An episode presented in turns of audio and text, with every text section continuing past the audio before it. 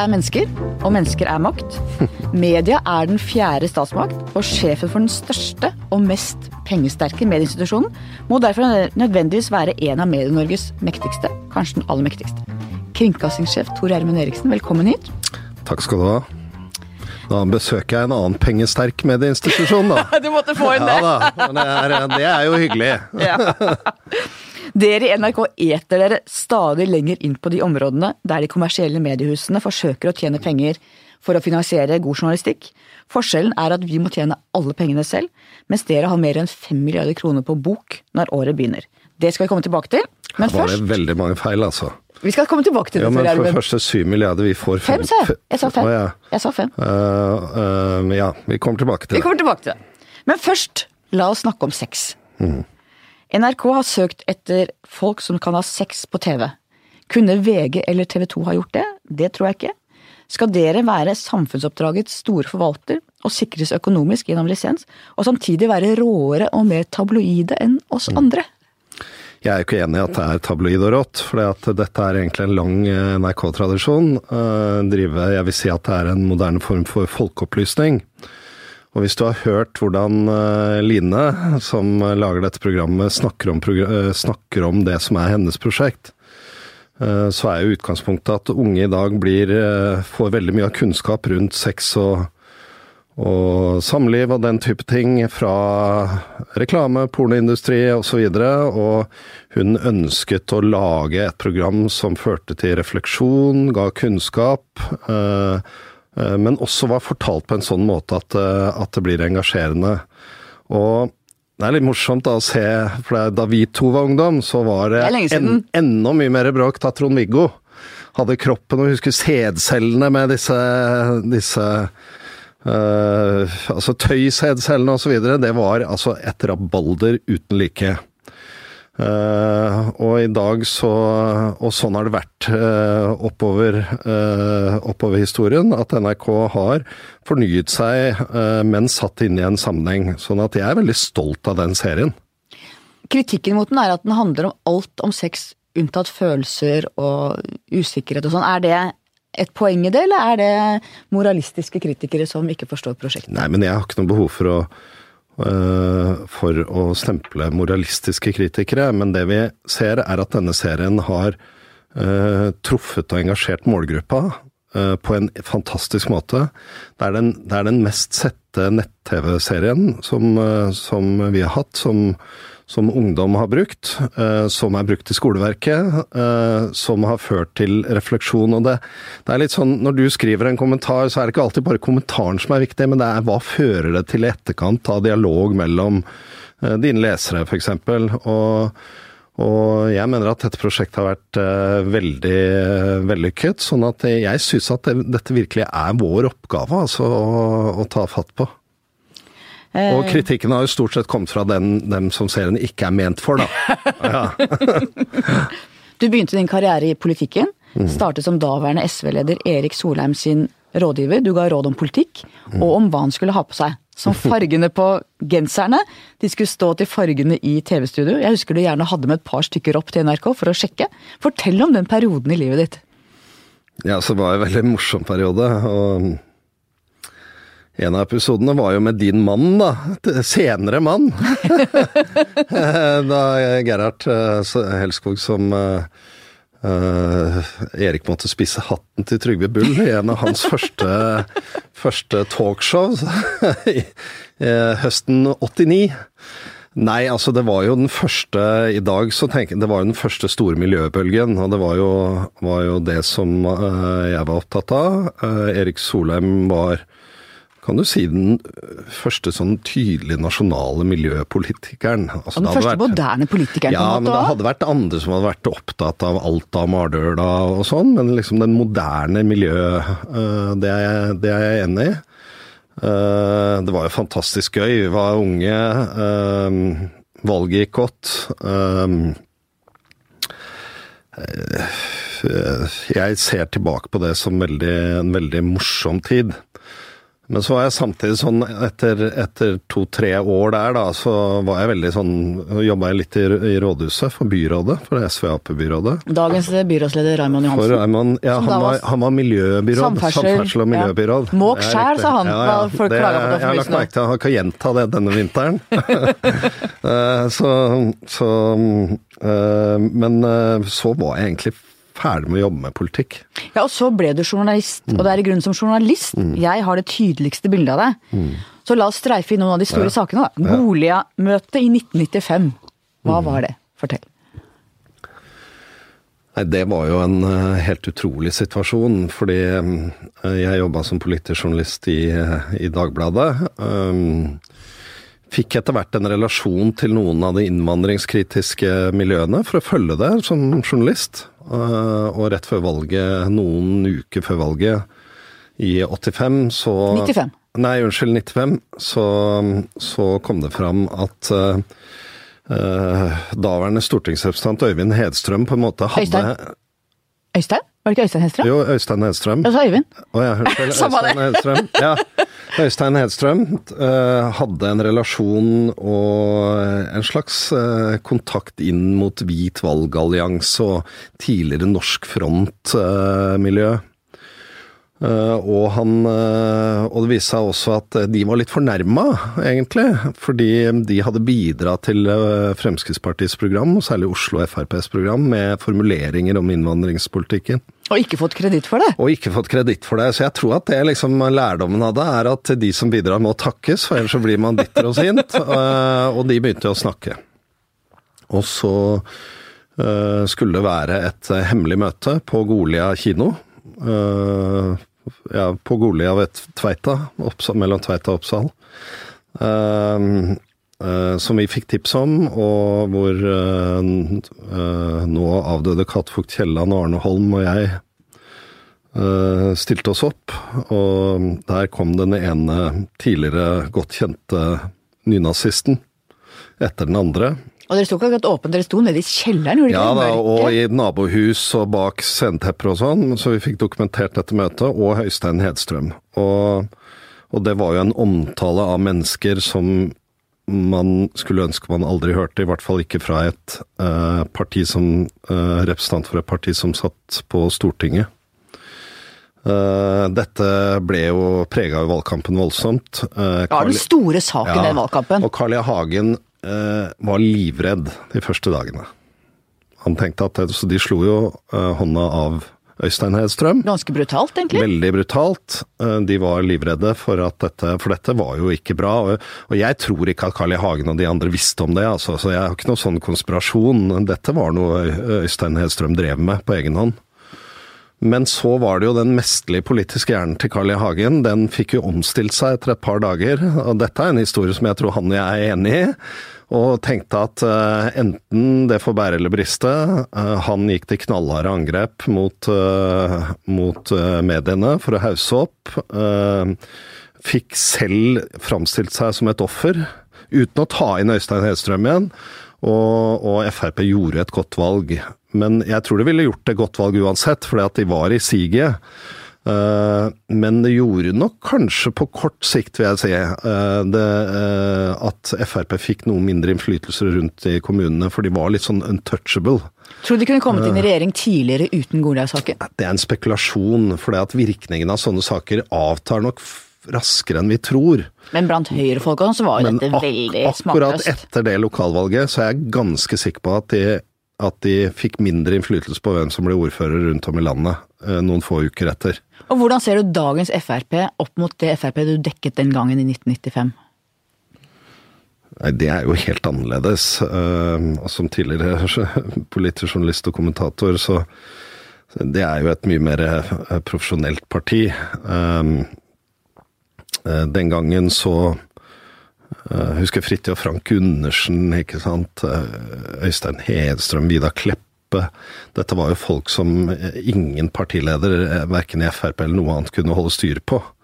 Eh, i Det var mer action da. ja, det var jo kjempegøy, eh, men, men det er jo et, part, et, et parti, et Frp à la 1995 kunne ikke sitte i regjering. Et parti, et Frp i 2018 eh, sitter utmerket i regjering. Så det er et helt annet parti. Lady Diana, hun ble et viktig menneske i ditt liv? Du vet hva, det er, det er ganske morsomt at du spør om det, for neste uke så er jeg invitert på Slottet. eh, For, for å, på middag for, eh, for William og Kate. Og de, de kom jo hit på offisielt besøk. Eh, De skal se mange ting, men en av de tingene de er veldig opptatt av, er jo allerede nevnte Skam. Og så skal det være en middag på Slottet, og, jeg vet ikke, og sannsynligvis får jeg ikke anledning til å snakke med dem, men kanskje så jeg, møtte jeg det, moren, eh, altså Diana, prinsesse Diana, Øh, ja, nærmere øh, ulykken enn det hennes sønner, det vet jeg ikke. Fordi, Det er ganske sterkt. Ja, fordi helga før, og dette er, dette er en av mine mest absurde opplevelser, fordi at uh, helga før så var jeg i Sarajevo, og egentlig skulle jeg dekke uh, Torbjørn Jaglands besøk i 97, han var statsminister. Uh, og det var rett før valget i Norge, og rett før jeg dro ned så så ringte Norsk Folkehjelp og så sa du eh, det er hemmelig, men prinsesse Diana kommer til Sarajevo i morgen for å se på våre mineryddingsprogrammer, og vi skal sørge for at du får møte henne. Så jeg kasta meg på fly sammen med fotograf Robert Eik fra Dagbladet. Eh, og det var jo en, en utrolig opplevelse, men den dagen så ble det kjent at hun var blitt kjæreste med Dodi Al-Fayed. Og det tenker vi ikke over i ettertid, det var bare kjent en uke. Det var jo det de jakta på for å få bildene. Så det ble kjent bare en uke før hun døde. Og det førte til at Sarajevo bare i løpet av noen timer ble fylt opp av et enormt eh, antall med fotografer og paparazzi-fotografer, og de hang i stolpene og sto på taket. Og du hadde allerede avtalen med henne Ja, da? så jeg kom inn og jeg sa til fotografen at nå må vi bare snike oss inn her, for vi blir banka opp hvis de skjønner at vi slipper inn og ikke dem. Og det var hundrevis, altså.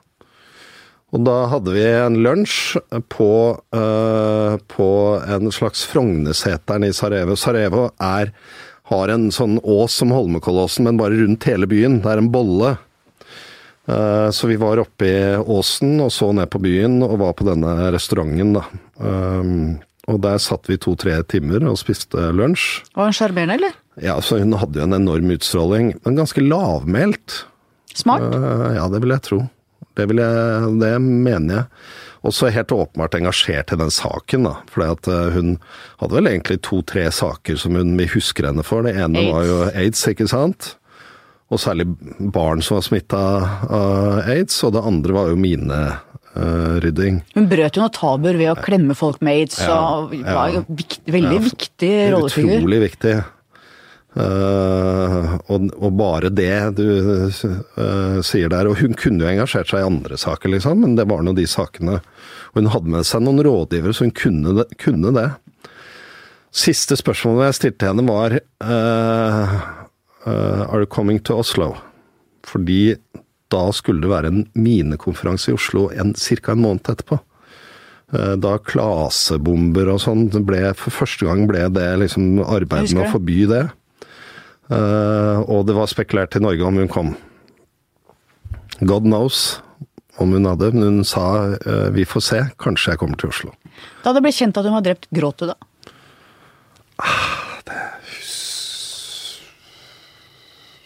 Nei, jeg vet ikke helt det, men eh, jeg gråt nok når jeg så alle disse reaksjonene. For det er jo I en sånn situasjon så gråter man vel kanskje ikke fordi det er en person som står en nær, men det er liksom et eller annet som blir borte, og det er en sånn kollektiv Jeg kan ikke akkurat huske det, men jeg ble ringt opp av en del medier eh, om, eh, om natta om morgenen. Det ble bekrefta om morgenen først at hun var død, tror jeg. For jeg hadde jo skrevet denne reportasjen i Dagbladet og sånn, eh, og da, sånn at de visste at jeg hadde møtt henne. Eh, jeg husker tittelen, for den var 'Jaget gjennom minefelt'. Og det var bokstavelig talt, altså, det hun var. Fordi hun skulle se på mine ryddingsprosjekter. men det var jo ingen av de som fulgte henne der, som var opptatt av det. De var opptatt av Dodi Al-Fayed og hennes nye forhold til han. Helt spesiell situasjon, altså. Fy søren. Savner du tiden som skrivende journalist? Ja. Det skjønner jeg. Det ville jeg gjort òg. Men du begynte jo i NRK lenge før noen visste hvem du var, som nattevakt mens du studerte. Og da hendte det, så vidt jeg vet, at du fant noen kjente NRK-profiler i litt pinlige situasjoner på kontorene der nattestid. Fortell om det. Jo, men det har jeg jo sagt at jeg ikke skal fortelle om. Gi oss litt, da! Nei, øh, men poenget var at det var jo noen øh, Og sånn er det ikke i dag, men det var helt annerledes. Og så øh, Nå er jo en av de som ikke var pinlige situasjoner, men det er jo omtalt i en Altså, det er en fantastisk biografi som Asbjørn Bakke i Aftenposten har skrevet om Erik Bye. Det vil jeg anbefale alle å lese. Ikke, ikke, du må ikke nødvendigvis være så opptatt av Erik Bye for å lese den, for det handler jo om han, men det handler jo om det samfunnet hvilken Om Norge. Om Norge, egentlig, på den tiden. Og det handler om NRK også. Det handler om vår offentlighet. Um, og selvsagt handler det om en av de helt spesielle profilene som har virket i offentligheten. Og samla Norge. Ja, samla Norge, og helt til han døde, ikke sant. Og um, Asbjørn Bakke beskriver jo sånn det var, men med en veldig respekt. Og han beskriver jo også at Erik Bye noen ganger kom til NRK om natta istedenfor å dra hjem når han uh, hadde skjenka seg litt for mye og ikke ville reise hjem til uh, kona. Og det hendte jeg så. Uh, var det hyggelige møter, eller var det litt sånn han var aldri, aldri Han var bare hyggelig. Men han var jo preget av at han hadde vært på byen, for å si Ja. det sånn. Det er jo kjent. Så, så det er vel uh, Ellers så vi gikk jo med nøkler og låste oss inn alle, og det var uh, Vi skulle sjekke om kaffetraktere var glemt Om noen hadde glemt å skru av dem, men det var jo hendte jo vi så noe annet enn kaffetrakterne. Du ble forsøkt vervet til AUF på Høybråten som ung gutt, Mm. men angivelig syntes du at de var for lite intellektuelle, og at de var litt folkelige, har jeg hørt, da! At det var for mye tull der, så du ble med i en studiesirkel i sosialistisk ungdom istedenfor det var mer din greie. Hvordan ser du i dag den unge, radikale gutten du var den gangen? Jeg har ikke tenkt så mye over det, men, men eh, jeg håper at jeg har beholdt noe av den der radikaliteten. Men det, det handler jo ikke nødvendigvis om liksom, partipolitikk, men det handler om åpenhet for nye løsninger og åpenhet for å se. Og som sagt, eh, jeg var jo eh, Jeg tror det var to-tre ting som vi var opptatt av. der. Vi vokste jo opp omtrent samme område, i hvert fall du og jeg.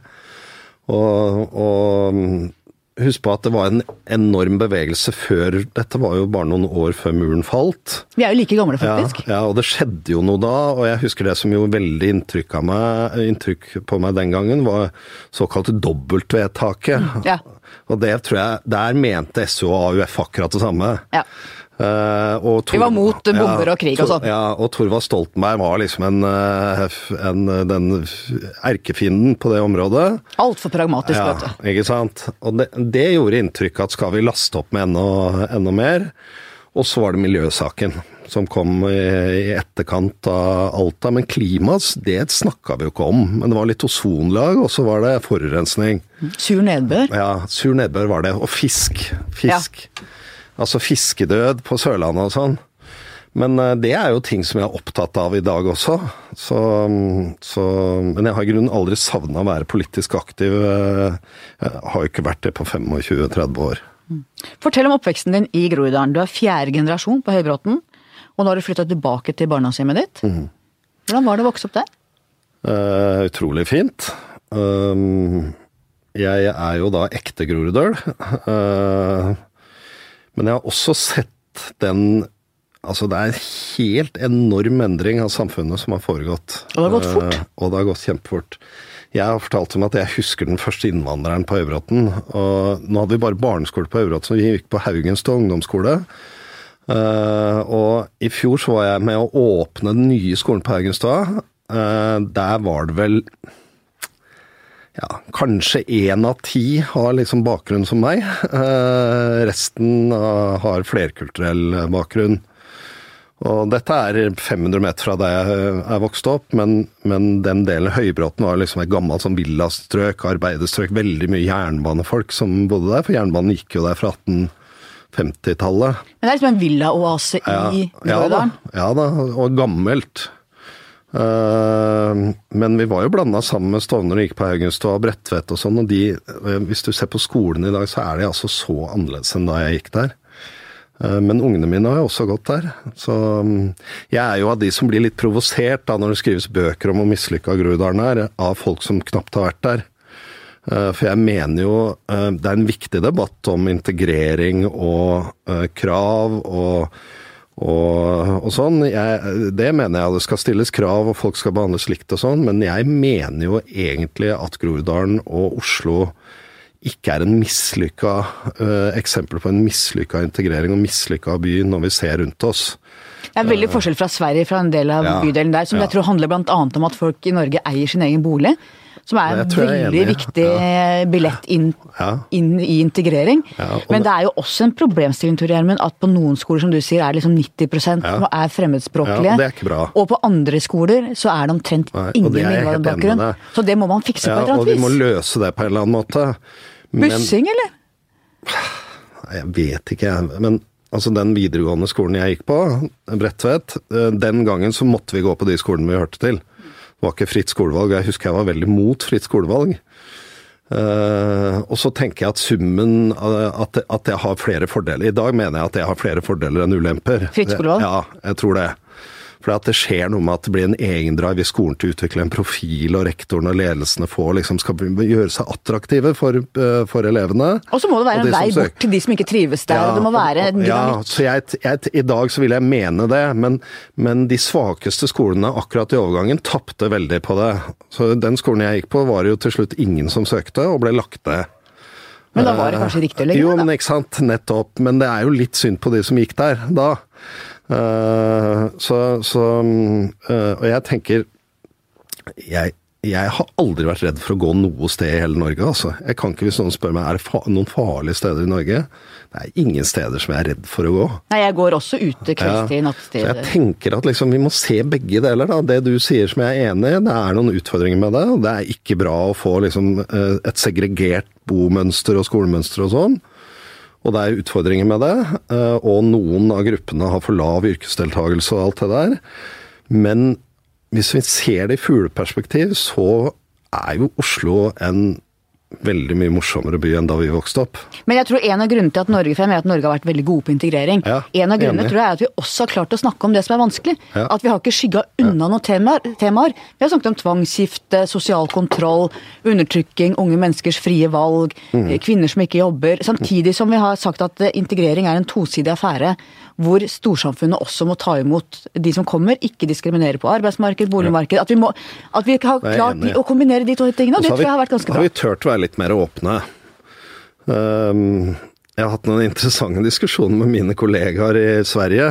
uh, om ident- identifisering, f.eks. Det har jeg jo med noen redaktører i Sverige. Ja, og der tror jeg du og jeg opplever det samme. Ja. Der, de, opp, de syns vi er helt uten grenser og etikk, nesten. Det er kulturkollisjon. Ja. Mens de er liksom ikke og, og der tror jeg vi er nærmere folkemeningen enn Ja. de, og det er litt problem. Derfor ser vi nok kanskje også at eh, svenske medier oppfattes til dels som noe mer elitistiske enn enn norske. Faren din jobba Mm. mange år i administrasjonen i NRK. Fortell om faren din. Hva slags type var han? Eh, faren min begynte jo der da jeg var ganske stor, så jeg har aldri vært sånn NRK-barn. For det er det jo mange som forteller om, ikke sant. Juletrefesten og småbarn og sånn. Men faren min er fra Høybråten. Jeg var veldig glad i faren min. Han døde for ti år siden. En utrolig staut kar, hel ved, tydelige holdninger. Mye idrett og friluftsliv Ja, og sånn. og, og nok aldri noe særlig ja, Han var sikkert AUF-er som ungdom, han òg. men hadde en helt uh, spesiell barndom.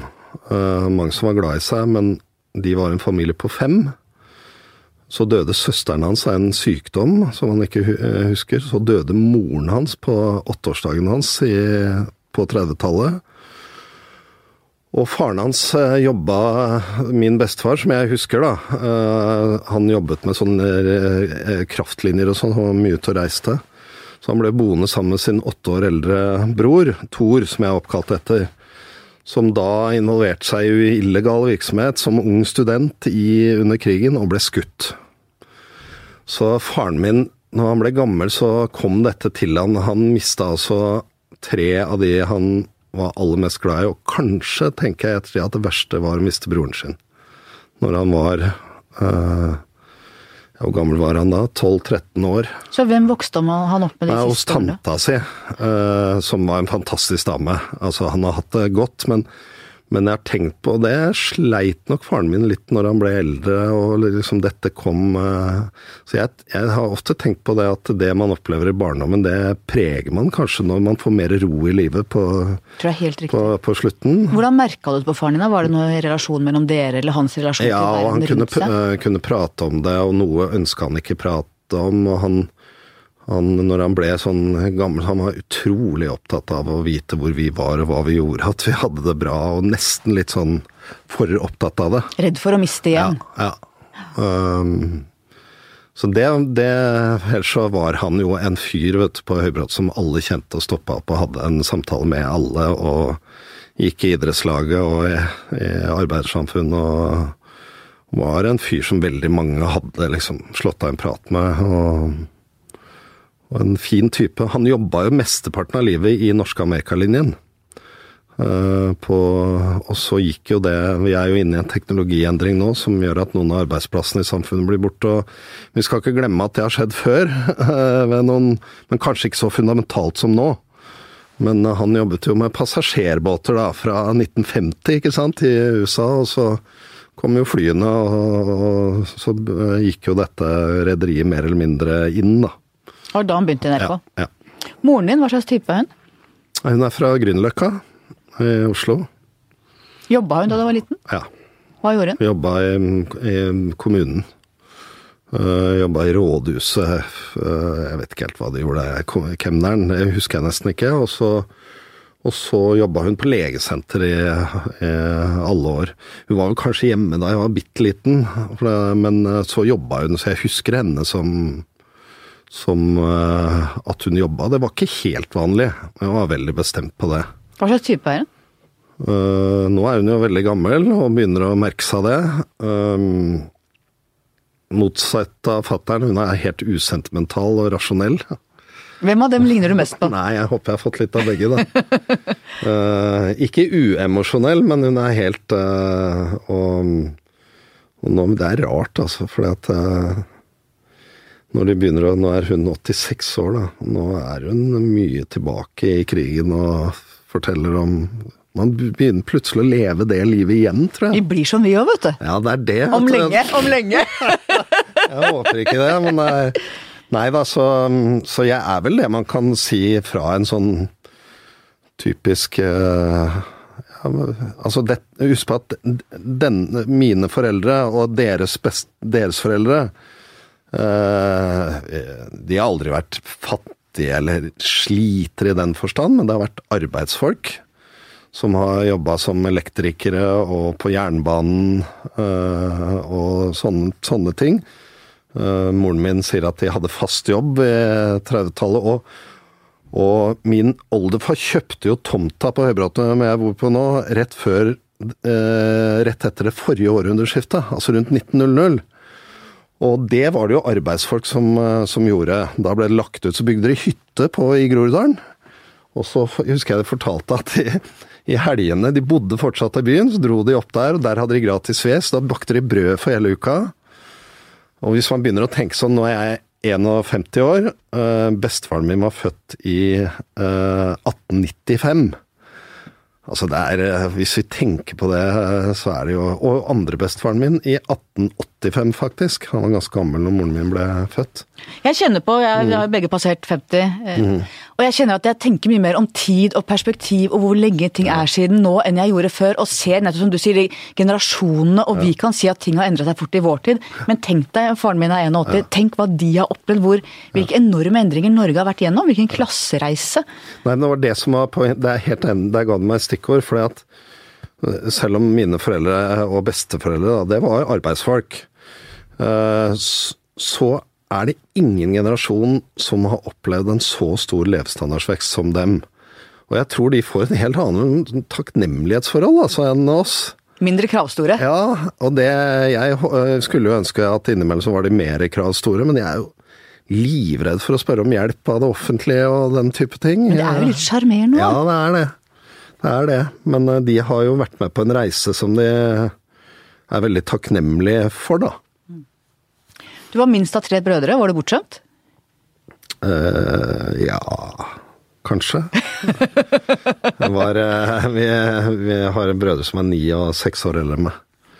Og han som er ni år eldre enn meg, han flytta vel tidlig hjemmefra. Han begynte i Forsvaret allerede som 16-åring og tok videregående der, og, og krigsskolen osv. Nå er han pensjonist. For de slutter jo før jeg har begynt, nesten, i Forsvaret. Så, så jeg har veldig godt forhold til dem, altså. Andre broren min bor rett ved, ved meg. Og så er det fortsatt en gjeng fra barndommen som er dine beste venner. Blir det viktigere når du har en så profilert jobb som du har nå, å ha de som har kjent deg best og lengst, som de nærmeste?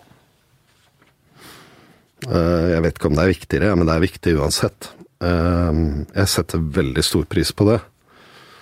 Eh, Vi er tre-fire stykker som har kjent hverandre fra fem-seksårsalderen. Og vi lever jo litt forskjellig liv i dag, men familien har vært sammen, og en er lege, og en er gartner, og en er økonom, og de betyr utrolig mye for meg. Eh, Og jeg har masse, masse kontakt med dem. Eh, Men det er ikke alt, det er ikke sånn hver uke, men litt på telefonen og litt sånn. De betyr masse. Du ble toppsjef tidlig, 36 år gammel, tok du over som sjefredaktør i Dagbladet. Tenker du ettertid at du var for ung, eller at du var akkurat passe? Eh, Jeg syns det, det er vanskelig og til dels ukledelig å vurdere seg selv sånn. Jo, jo. Eh, Jeg tenker at jeg var ung. Jeg hadde et pågangsmot. Eh, Det var jo en, en støyete tid. Du leide inn Boston Consulting til å gå gjennom hele bedriften. Ja, nå, nå, kan vi, nå kan vi diskutere hvem som leide inn det, for det var jo en felles beslutning. Men det står jeg i og for seg ved. Men det, var altså konsulenter Ja som ikke ku- kunne om journalistikk i møte med maktkritiske og ganske Helt hårsåre journalister. Det ble jo et sabla bråk. Det ble et sabla bråk. Nå tror jeg det har mindre med at eh, det var konsulenter der, enn at det faktisk var første gangen Dagbladet tok ned antall ansatte. Eh, Jeg hadde jo jobba der i mange år, da, og da, det var jo liksom gang på gang skulle man omstille, og så stoppa det med første motstand. Det, Sterk klubb i, i Dagbladet. Ja da, og det, det har jo media generelt. Eh, nå er det sånn at eh, man gjør jo aldri ting perfekt, så man kunne gjort ting bedre sikkert da også. Men det er sjelden jeg har møtt noen i ettertid som mente at jeg tok i for mye den gangen. For det var jo en brytningstid. Det var begynnelsen på det vi ser nå, å stå midt oppi. Ja, altså, jeg, vet du hva? I går så gikk jeg gjennom TV-tall for, eh, for i fjor.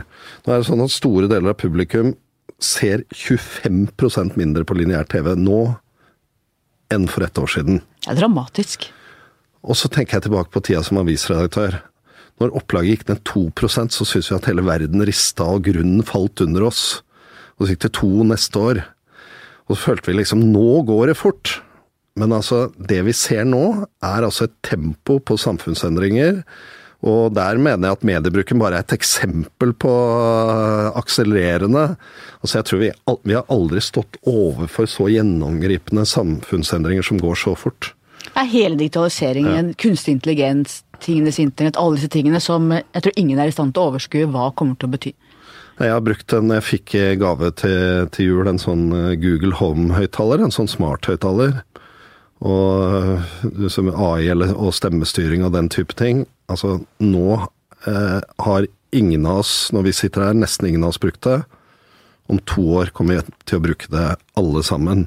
Og det som er fantastisk med den nye teknologien, eh, mener jeg da, det er at vi har ofte vært vant til å si det at de eldre ikke er eh, adapters, ikke sant? at de tar i bruk. Og det er litt for vanskelig. Min mor ble aldri eh, familiær med dette.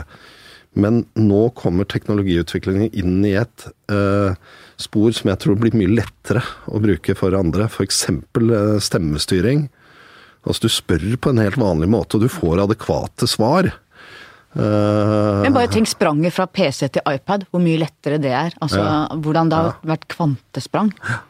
Men tilbake til karrieren din, da. Du gikk videre til Amedia, og sto etter hvert i den største mediefusjonen i norsk historie mellom Amedia og Edda Media. Og samtidig skjedde mye annet i livet ditt, og du gikk på et tidspunkt på en smell. Hva lærte du av det? Om deg selv, om livet og om menneskene rundt deg? Ja, nå eh, Jeg har sett at den, det har vært omtalt, og det er ikke noe jeg er noe som helst flau av å snakke om, så det er helt greit. Men, men jeg tror det var Ingebrigt Steen Jensen som en gang kalte det lettvegg. Og det var, det var vel rett og slett summen av mye som gjorde at, eh, at eh, jeg måtte bremse ned litt. Rann. Eh, Men jeg var vel borte fra jobben en uke eller to, og, men, men måtte tenke over litt mer at uh, uansett hvor du står, du må, man må skaffe seg noen lommer. Uh, Man må være i takt med seg sjøl. ja, og man blir ikke Det er ikke sånn at man gjør en dobbelt så god jobb om man jobber 16 timer som når man jobber 8. Antagelig så gjør man en dobbelt så god jobb hvis man jobber 10 timer, men har 5 timer fri. Altså litt det der. Uh, og, og Kan man bli fartsblind? ja. Var det Det det du ble? øh, ja, kanskje. Øh, Men, men, men bare sånn, jeg, jeg har ikke lyst til å framstille det som Det var ikke noe sånn i Sett i ettertid så var det en liten dump, øh, men det var sånn at jeg kjente på det. Men Var det kanskje et nyttig korrektiv, eller? Ja, det kan godt hende. Det kan godt hende. Så mm, det var jo et ekstremt uh, trøkk, ikke sant. Fram og tilbake til London, holde på her med regulatoriske myndigheter, drive et selskap, bli skilt, eh, ha gutter i uh, ungdoms... eh, som har ungdommer, eh, alt mulig. Men altså, jeg har et godt liv, altså. Og jeg har hatt et godt liv, og jeg har valgt sjøl.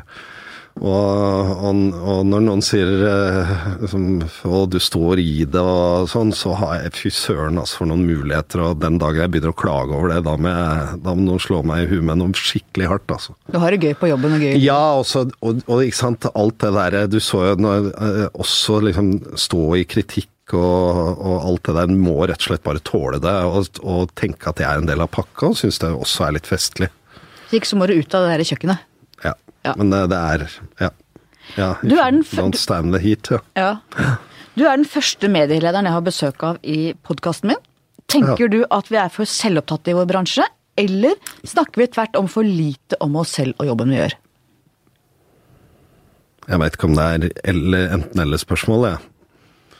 Er det mer både òg? Uh, Ja, for jeg tror godt vi kan snakke enda mer om vår på en måte samfunnsrolle og sånn, uh, men jeg mener jo virkelig eh, at eh, norske medier er mer i takt eh, og lyttende enn mange andre land. Jf. Sverige, som vi snakka om. Ja, og, men tenk deg hvis vi til Storbritannia, da.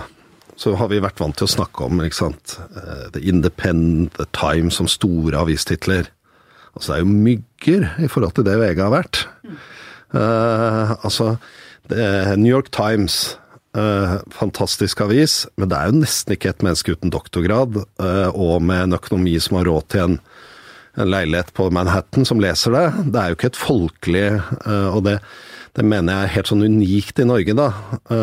Og det er ikke selvsagt, selv om vi er et lite land, at både doktorgrads holdt på å si, Den som har doktorgrad, politikeren, næringslivslederen og arbeideren på Hydro lese VG eller ser NRK. Og det har jeg alltid gjort meg så utrolig stolt av VG. Ja. Nettopp det at vi er Ja, og det er jeg helt enig, og det er jeg helt enig i. Og det mener jeg er noe norsk. øh, og det gjør at det kan liksom ikke stå helt gærent til med selvrefleksjonen i forhold til øh, hvordan vi ser på publikum. Jeg mener dette er helt unikt. Vi er jo blant de mest avislesende. Det er vi og Japan som konkurrerer om å være mest avislesende i verden. Øh, og bare, ja, som sagt, vi har nevnt Sverige, vi har nevnt uh, UK, uh, Danmark. Det er he helt Det er annerledes. Um, så tenker jeg at Nei, selvopptatt, jeg veit da søren, jeg. Vi jeg syns vi er litt sutrete innimellom nå. Ja, det kan Eh, det, det, vi òg. Så det er ikke For det er liksom Vi kan jo se på verden som vond og vanskelig, og, og det stopper ikke utviklingen, det, altså. Eh, Liksom, vi må passe på at vi ikke er fornærma for at folk bruker Facebook. Men vi må jo møte det på en eller annen måte. Men uh, Steinar, avdøde Steinar Hansson, som jeg, som jeg tror vi, vi deler en beundring for. Ja, veldig glad i. Ja, fantastisk, men han var vel kanskje ikke helt heldig når han sa at vi får bytte ut eh, folket eller Nei! leserne. det er ikke hans mest heldige uttalelse. Nei, så, så, så jeg, jeg Av og til da, som er det ting som skjer, og så må vi håndtere det. Og så er det alltid nye muligheter. Vi blir ofte beskyldt for å gå for mye i flokk. Er tiden tvert om egentlig inne for å gå mer i takt, følge hverandres avsløringer, sånn at de store sakene ikke drukner i døgnet? Ja, men det, øh, ja, det spørsmålet har mange sider. For én tilnærming er det du sier, at det er viktig. Uh, og jeg er ikke enig i de som sier at nå har det vært heksejakt på den og den og den. Uh, fordi at hvis vi, Men det er viktig at hver redaksjon uh, tenker over er det noen nye sider, nye aspekter, nye dimensjoner vi kan bringe. Det er i seg selv en av oppgavene. Men men jeg mener jo at eh, snarere så har mediene gjort sin, uh, sin jobb nå de siste månedene. Uh, for det var noen som Da tenker du på metoo, ikke sant? Ja, nå tenker jeg om det. Mm. Uh, men, men, det har også blitt en diskusjon at alle går i flokk. jeg tenker f.eks. på Dagbladet hadde en fantastisk sak om Nigeria-båten Forsvaret som hadde solgt, ja. som ingen andre Nei, fulgte den burde opp. Vi ha tatt opp. Alle burde tatt opp den, ja. for det var en kjempeskandale ja. som fikk dø litt i synden, ikke sant. Ja. Det er den type saker jeg tenker på. Ja, og det er jeg helt enig i. At kanskje skulle vi forsterke hverandre av og til. Jeg tror det. Uh, og så er det det andre, ikke sant. Hva, hva er svaret da på hvis du av og til reflekterer over det. at Hva er svaret, da, hvis du mener at nei, det er for mange medier som dekker en sak? Hvem er det som skal ta seg av det, da? Man har jo prøvd sånn oversensor under krigen og sånn, det er nei, ikke så bra, det. Jeg tenker at det er liksom en kollektiv Hvis det er en kostnad, så er det en kostnad vi bør være villige til å betale. For det er ingen som skal regulere det. Nei. Det er jeg for øvrig helt sikker på at eh, den nye kulturministeren er enig med meg i. Ja, det tror jeg. Det tror jeg. Vi snakker mye om finansieringen av fremtidens journalistikk. Mm. Det går vanvittig vanvittig mye penger til senderettigheter til store sportsarrangementer. Kunne ikke mye av dette gått til god undersøkende journalistikk eller til norske dramaproduksjoner i stedet? Uh, svaret på det uh, Altså, alle, alle, ressurser har jo en alternativ bruk. Når du bruker på én ting, så hvis du lot være, så kunne du brukt det på noe annet. Men dere driver jo hverandre ja, budrunder som er ganske sjuke tidvis. Ja, men det er jeg helt enig i. Men så er det jo, nå er det et par uker så går vi inn i OL. Det hadde ikke NRK sjans til. Hva Hva gjør dere da når dere ikke har de rettighetene? Nei, da har vi heldigvis radio, da. Og så får andre eh, og poenget er at hvis, hvis, de siste årene så er det jo sånn at NRK har måttet forlate en del rettigheter. Altså, Vi vokste opp med, med Tippekampen. Det er jo en rettighet som er såkalt abonnementsprodukt. NRK kommer aldri til å få igjen det. Eh, norsk fotball kommer aldri NRK til, men kvinnefotball prøver vi å bygge opp, for den har ikke kommersiell verdi i samme I hvert fall så har ingen av de kommersielle vært villige til å betale så mye for det. Men undergraver egentlig sporten sin egen eh, virksomhet òg, ved at de blir mindre felleseie og mer sånne smale Jeg mener at det er en utfordring. Uh, sånn at Vi i NRK har nå en, vi har en sånn veldig sånn tydelig sportsstrategi. Det er vintersport og, ski og sånn, og det er allmannseie. og der bruker vi penger på det, men må huske på at mye av de pengene går tilbake til idretten. Eh, sånn at det er jo bra. Det går til Skiforbundet og, og, til klubber og, og, sånn, når vi betaler for rettigheter. Men vi, vi eh, Altså, jeg er jo enig, det går en grense for hvor vi skal være med på det. Og nå var vi ikke med på OL. Kan vi da samarbeide med kommersielle aktører ja, om OL? Ja, det gjør vi jo nå. Ja. Eh, og vi prøvde jo det med TV 2. Vi prøvde jo faktisk å kjøpe OL sammen. Men, og der, der, det der er et veldig godt eksempel på globaliseringen. For det var liksom det var ingen i Norge som hadde noe påvirkning. For der reiste det noen folk fra USA, på noen ledere i Discovery, og så til IOC, og så hadde vi kjøpe 60 land. Eller 53 land kjøpte det. Nå hjelper det ikke med lisensfinansiering. Nei, nei, da hjelper det ikke å være norsk eller Norden. Uh, og så samarbeider vi jo nå med med TV 2 på fotball-EM. Samarbeider vi med VG på sjakk. Nå er ikke sjakk verdens dyreste rettigheter, men det er veldig gøy. ja, det er veldig gøy. Ja. Det er veldig gøy. Ja. Tilbake til deres konkurranse med de kommersielle mediene. Hvorfor blir deres mobilutgave mer og mer lik mobilutgavene til VG og Dagbladet? Men jeg er ikke enig i det. For det er et um, Men jeg kan jo ikke Jeg må jo, må jo ha respekt for at du mener det, ikke sant. Så det er og igjen da, så mål, måler vi litt det, og jeg mener at vi har en, en sjangerbredde som eh, kommer tydeligere fram med barn, ungdom osv. Og så er det jo sånn at hvis vi skal ha en nyhetsvirksomhet, så er det jo grenser for hvor annerledes en, eh, en eh, front kan se ut. Nå om dagen så er det liksom åpenbart at det er mye rundt metoo eller det som skjer i politikken. Eh, I går var det en god del om Midtøsten. Altså det er jo en grense for det. Men dere har jo distriktskontorer som f.eks. plukker nyheter fra lokalavisers bak betalingsmur, som de opplever som en veldig utfordring til hele deres ja, forretningsmodell. Ja. Ser du noen dilemmaer her? Ja, men det er det jo. Det er jo dilemmaer. Uh, og så Det eksempelet du viser der, det, det bør ikke skje. Uh, og det er egentlig ganske få eksempler på det. Og hver gang jeg hører om det, så tar jeg tak i det. Jeg hadde en diskusjon med noen redaktører og spurte jeg hvor ofte skjer det. Og da de fleste av dem sa de huska det ikke. Men så har vi en sak i Tromsø og en noen Men der skal vi rett og slett være, være forsiktige. Og så er det sånn at, at mediebruken er jo ikke som melk. Hvis jeg eh, kan kjøpe en lettmelk, og så står det en gratis lettmelk ved siden av som har samme kvalitet, så vil jeg ta den gratis.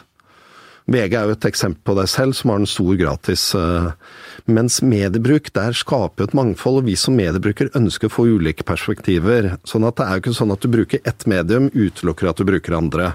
Men hvis dere serverer gratis det samme som vi prøver å ta betalt for, så er det klart at det er et problem for oss. Jo, jo men, men, realiteten er jo nå de siste årene at uh, vi sitter jo egentlig nå etter et år som kanskje er ja, som, Ikke kanskje, som er et av tidenes mest lønnsomme år i norsk mediebransje. VG tjente, og det jeg bøyer meg i støvet, utrolig imponert, men for hver hundrelapp man omsatte, så tjente man ca. 20 kroner. Ca. 1 million i overskudd hver arbeidsdag i fjor. Det er jo kjempebra, og det i hvert fall gjør meg trygg på at det hindrer ikke VG å investere i innhold og journalistikk. Mitt gamle konsern A-media leverer et kjemperesultat i 2017, og det resultatet er selvsagt drevet av to ting. Eh, en enorm kostnadsarbeid, og det kan jo gå utover produktet av og til, men også en enorm eh, vekst i antallet digitale abonnenter. Sånn at hvis vi ser sånn totalt sett på det, så går det ganske bra. Og det er, ganske, det er viktig. Tenker du at vi er gjennom krisa? Nei, men jeg, altså, sånn finnes et uttrykk som det finnes ikke. Uh, altså hva er en krise? Uh, vi kommer til å stå overfor endringer og utfordringer hele tiden. Vi kommer aldri til å være igjennom. Og du starta med at du ble leder for Jeg var, ble toppsjef første gang for 15-16 år siden. Og da gikk vi i gang med omstilling i Dagbladet, og da tenkte jeg nå skal vi bare gjennom dette. jo, men dette er Det er helt sant, altså. Vi trodde det. Ja. Uh, og sånn må vi ikke tro nå. Så jeg tror ikke vi er gjennom det. Og, og, og vi må ha en politikk som balanserer dette. Men jeg tenker at, at og jeg aksepterer at andre sier at NRK er store og sterke og sånn. Realiteten er at NRK utgjør en stadig mindre del av mediebruken, fordi det globale har kommet inn. Uh, og, og, så tenker jeg at vi Det norske mediemarkedet er relativt godt balansert. Så skal vi være kloke, uh, og selvsagt ikke ødelegge for de, for de andre. Det, Se eksempel mm. Facebook-bruken, da. Mm. Uh, hvor dere i hvert fall blir beskyldt for å heller fòre Facebook med en drøss saker, enn å sende stoff over til norske mediehus. Mm. Facebook betaler ikke skatt, serverer en saus av ekte og falske nyheter, skaper knapt arbeidsplasser i Norge. Hvorfor er dere mer der enn noen andre redaksjoner, norske redaksjoner er? Men, men, det er jo heller ikke riktig. Det er jo noen tall der som er ja, men, men, TV 2 er mye større enn oss, og VG bruker Facebook en masse. Og Snapchat, og VG er jo uh, suverent ledende på på Snapchat ja, der er vi Gode. Og det er ikke noen prinsipiell forskjell mellom Facebook og Snapchat, det er også en global stor aktør. Uh, og så tenker jeg at du likevel peker jo på noen utfordringer som jeg som redaktør har felles med Gard Steiro eller Espen Egil Hansen. Og det er hvordan faktisk forholder vi oss til disse tredjepartsplattformene og ikke blir husmenn. Uh, grunnen til at vi er der er jo enkel. Og det er at vi må være der fordi publikum er der. Samtidig så er vår strategi i NRK da, det er å bruke de tredjepartsplattformene for å få dem inn i vår plattform. Det er hovedstrategi. Uh, men dette er en diskusjon, og uh, man kan godt mene at NRK skal være mindre på sosiale medier, men da klarer vi ikke å gjøre oppdraget f.eks. overfor ungdom. Og det bildet at NRK er mye mer offensive enn andre, det er jeg ikke enig i. For det mener jeg at, uh, at dere og TV 2 og Aftenposten og de andre er. Men det er skikkelig viktig at vi plutselig om to-tre år ikke ser at jøss, våre plattformer er borte. Vi har ikke noen egne plattformer lenger. Vi må lenger. beskytte primærdestinasjonen. Ja, det er superviktig. Det er superviktig. Snittalderen på dem som følger nyheten på Dagsrevyen er vel nå 60-70 år eller noe sånt. Mm. Uh, unge folk ser ikke på lineær TV, altså klassisk TV-titting Slå, slå på TV-apparatet og se på det som er på akkurat nå. Debattprogrammer er det om knapt unge folk som ser på. Hvordan kan dere beholde posisjonen deres hvis dere mister de unge seerne? Nei, dette er jo liksom eh, det viktige spørsmålet. Og så, selv om det er riktig alt du sier der, så kan man også nyansere det. Eh, Fordi eh, Dagsrevyen er jo Nå i går tror jeg det var 800 000 som så det. Og der, hvis det er en snittalder på 60, så betyr det at det er like mange 40-åringer eh, som det er 80-åringer. Men det er ikke mange 30-åringer. Det er det ikke. Eh, og da må vi rett og slett bruke andre formater og plattformer. Og valgkampen er et kjempegodt eksempel på det. fordi du var jo til stede. VG uh, laga jo ganske mye journalistikk rundt de store eventene. Det var vi veldig glad for. Uh, det vi så i valgkampen at de store partilederdebattene og debattene faktisk ble større enn tidligere. Og det var jo veldig godt lest også, hos oss når vi kasta terning og vurderte og Ja. Og, og det som skjedde med dem, var at på, på lineært TV, direktesendingen, der var det faktisk flere seere enn før, men de var eldre. Så de nådde ikke flere. Men når dere lager innhold rundt det, og vi tar ut klipp og publiserer på mobil og nett og sånn, og dere kaster terning og sånn, så når de store eventene eh, fram til nye grupper, eh, bl.a. unge, som ikke ser på TV-sendingen. Så min påstand er at, at selv om eh, partilederdebatten på ja, den hadde kjempegode tall, 700 000-800 000, så eh, selv om ikke så mange unge så TV-sendingen, så var det veldig mange som fikk med seg deler av den og hovedpunktene Og på er vi, andre plattformer. da er vi kjernen av samfunnsoppdraget. Og da er vi i kjernen av samfunnsoppdraget, og jeg mener også det er et veldig godt eksempel på hvordan vi forsterker hverandre. da. Og så litt barne-TV. Jeg lovet en gutt jeg kjenner å snakke med deg om NRK Superkrim. Ja. Påskekrimmen for barn. For han syns nemlig at det er utrolig skummelt. Ja. Eh, og du spiller ofte skurk der. Ja, det skal jeg gjøre i år òg. Ja, du skal det, og det er jo ganske skremmende i seg selv, da. Nei, i fjor var jeg ikke skurk, da var jeg vel offer, men jeg har vært skurk Ja, ja, flere ganger. Men det at han, guttungen, syns det er mer skummelt enn noe annet enn mye annet, sånn amerikanske superheltfilmer og sånn, forteller vel egentlig om viktigheten av nærhet, om at ting blir mer virkelig når det handler om figurer vi kjenner, som Fantorangen, om drama på norsk. Er det dette som på en måte er håpet for Ja. fortsatt norsk dramaproduksjon og fortsatt norske programmer og det som vi lager hele tida? En sånn skummel følelse som barn har når du ser superkrimmen, er jo litt sånn Det er deilig skummelt. Gru, gruglede Ja, ja, ja, ja. ikke sant? Eh, men der, her tror jeg du er helt inne på kjernen. Eh, eh, nå skal jeg ikke gjenta for mange ganger at vi er et lite land, men jeg er helt sikker på at du har gleda deg over å se Crown på Mm, veldig. Netflix. Det er en fantastisk serie, ikke sant? Fan, helt fantastisk. Ja. Og jeg gleder meg over den. Og jeg syns det er veldig fint at det norske publikummet kan få det beste fra hele verden til enhver tid. Det er ikke noe tvil om. The Crown koster per episode der koster 50% mer enn enn den dyreste hele dramaserien NRK har. Altså én episode av Hele serien koster 1,2 milliarder eh, kroner en sesong. Én episode 120 millioner. En norsk Nå kommer vi med en ny, flott serie nå i mars. Koster 70. Og da tenker jeg at, at eh, det, av og til blir jeg spurt hva er bekymringen din, så er det det at våre forventninger da til kvalitet øker jo. Eh, Og vi kommer aldri til å ha så mye penger som et stort Og da må vi gjøre det klokere. Vi må, ha mer, vi må være mer innovative, vi må være bedre historiefortellere. Vi må få til dette norske innholdet uten å ha like mye penger på, men, men, eh, som de andre, men at det skal være relevant fra vår virkelighet. Våre ungdommer mangler ikke innhold. De får Friends og de får altså nye serier. Vi hadde Friends. Men det ville vært trist om de ikke også hadde Skam fra vår virkelighet. Og, og der mener jeg at det er norsk virkelighet som er kjernen.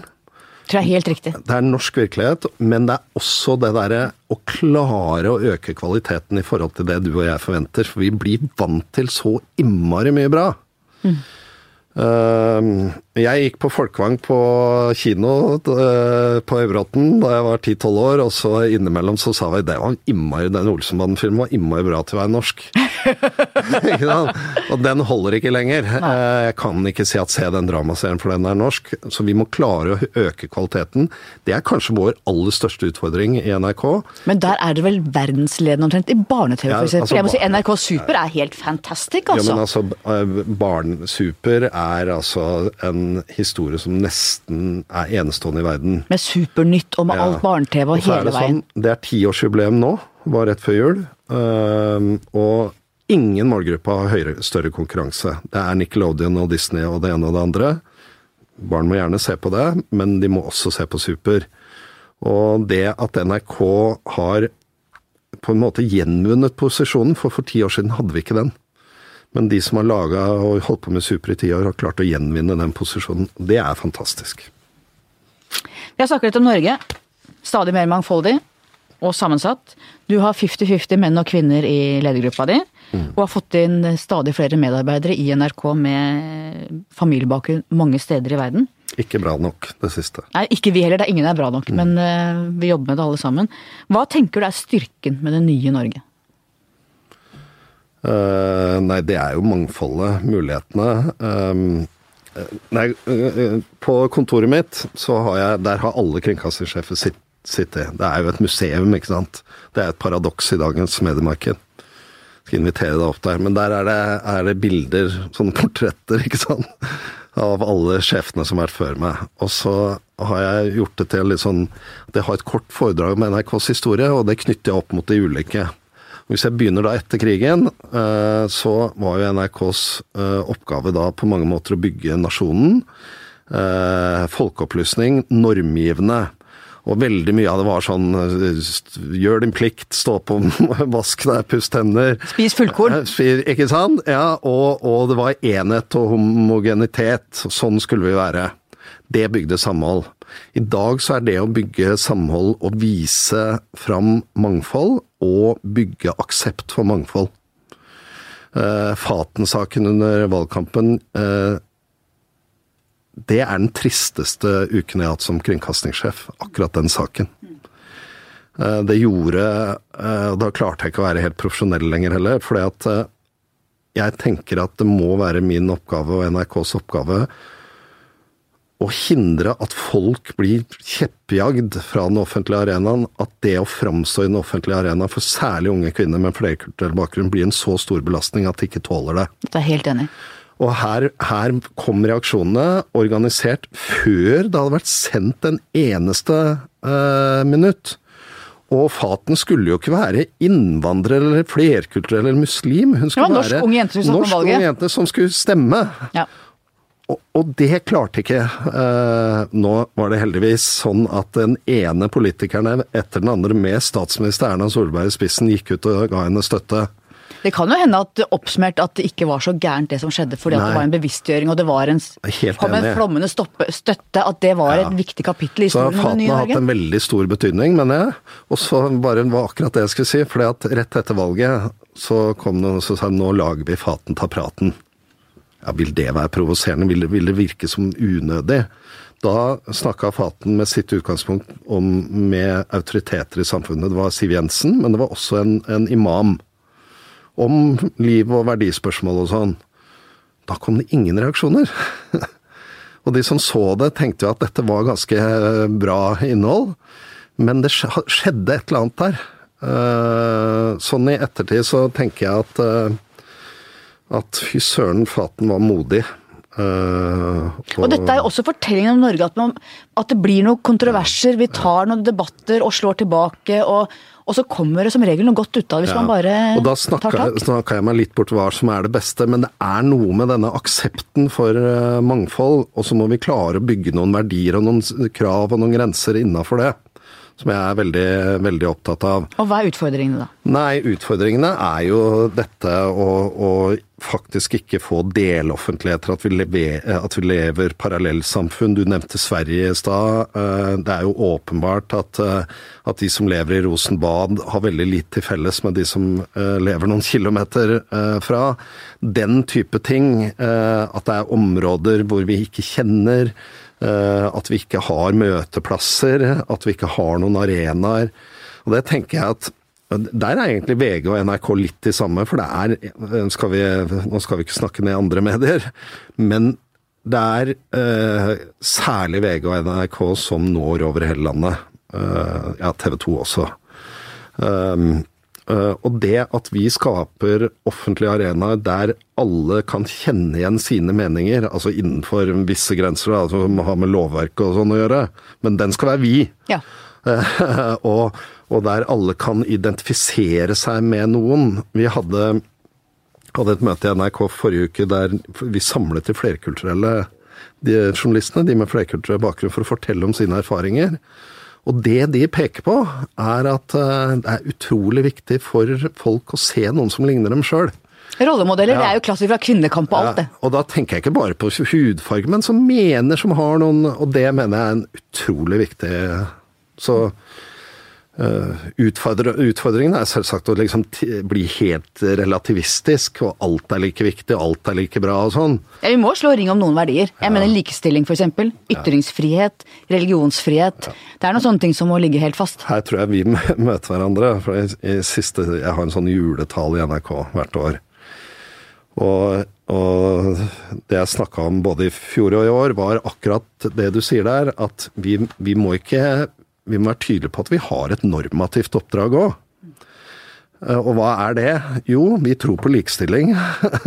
Vi, vi, tror på at folks eh, verdi er like stor. Vi tror på livssynsfrihet. Vi tror på vitenskap og fakta. Og av og til så blir det krevd av oss som medier, da, at vi på en måte, særlig klimakampen, eller klimadiskusjonen, så er liksom som balanse det er å, å, veie opp fakta og vitenskap med ting som åpenbart ikke er sant. Det er ikke balanse. Ulike syn.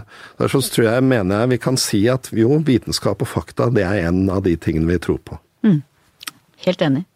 Religionens plass, tror du selv på Gud? Nei. Aldri gjort?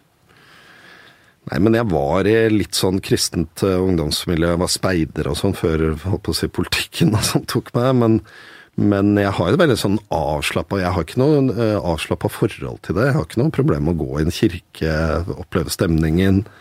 Uh, jeg vil tro at jeg har Men jeg tror ikke på Gud. Jeg har ikke en gudstro. Mm. Men jeg ser at det er en viktig, um, viktig for, for mange. Mm. Til slutt, mitt faste spørsmål. Hva skal bli historien om deg? Tor Gjermund Eriksen, det var han som eh, Nei, altså det er jo et altfor stort spørsmål å svare på. Jeg håper at noen sier at han gjorde mer godt enn en feil, og var en ålreit fyr. Um, og så tenker jeg at um, jeg håper at jeg bidrar sammen med andre i jobben min da, til at vi, vi får, har et samfunn som henger sammen, og har øh, aksept og likeverd. Det tror jeg man kan være tydelig på. Men det er jo ikke en jobb som kan stå, noe som kan stå igjen etter meg. Men, men kanskje kan jeg leve på mine gamle dager at jeg bidro i den retningen. Tusen takk for at du kom. Takk, takk. til deg som hørte på. Takk til researcher Grete Ruud og til vår fastprodusent Magne Antonsen. Vi høres igjen om en uke, eller kanskje to.